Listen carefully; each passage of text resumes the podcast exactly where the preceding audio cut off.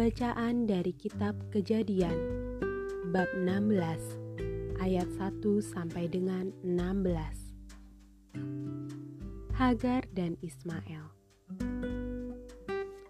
Adapun Sarai istri Abram itu tidak beranak. Ia mempunyai seorang hamba perempuan orang Mesir, Hagar namanya. Berkatalah Sarai kepada Abram, Engkau tahu, Tuhan tidak memberi aku melahirkan anak. Karena itu, baiklah, hampiri hambaku itu. Mungkin oleh dialah aku dapat memperoleh seorang anak. Dan Abram mendengarkan perkataan Sarai. Jadi Sarai istri Abram itu mengambil Hagar hambanya orang Mesir itu yakni ketika Abram telah sepuluh tahun tinggal di tanah Kanaan. Lalu memberikannya kepada Abram suaminya untuk menjadi istrinya. Abram menghampiri Hagar, lalu mengandunglah perempuan itu. Ketika Hagar tahu bahwa ia mengandung, maka ia memandang rendah akan nyonyanya itu Lalu berkatalah Sarai kepada Abram, "Penghinaan yang kuderita ini adalah tanggung jawabmu. Akulah yang memberikan hambaku ke pangkuanmu."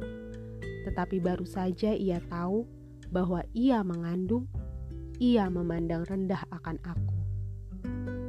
Tuhan kiranya yang menjadi hakim antara aku dan engkau.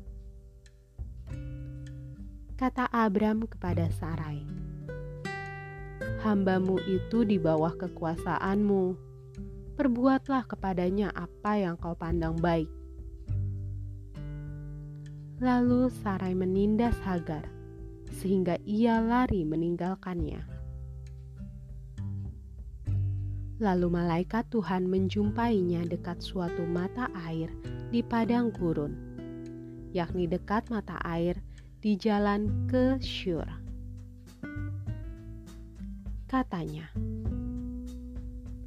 Hagar, hamba Sarai, dari manakah datangmu dan ke manakah pergimu?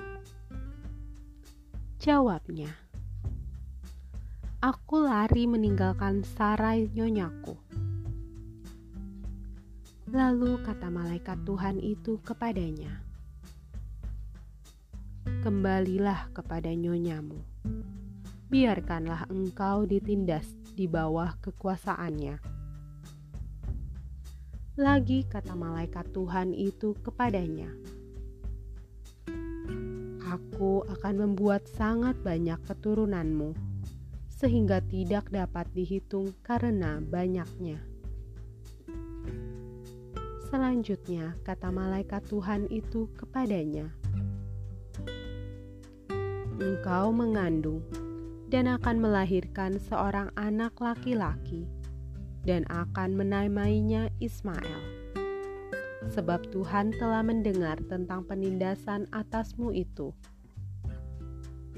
Seorang laki-laki yang lakunya seperti keledai liar, demikianlah nanti anak itu. Tangannya akan melawan tiap-tiap orang, dan tangan tiap-tiap orang akan melawan dia dan di tempat kediamannya, ia akan menentang semua saudaranya. Kemudian Hagar menamakan Tuhan yang telah berfirman kepadanya itu dengan sebutan, "Engkaulah Elroy." Sebab katanya, "Bukankah di sini kulihat Dia yang telah melihat aku?"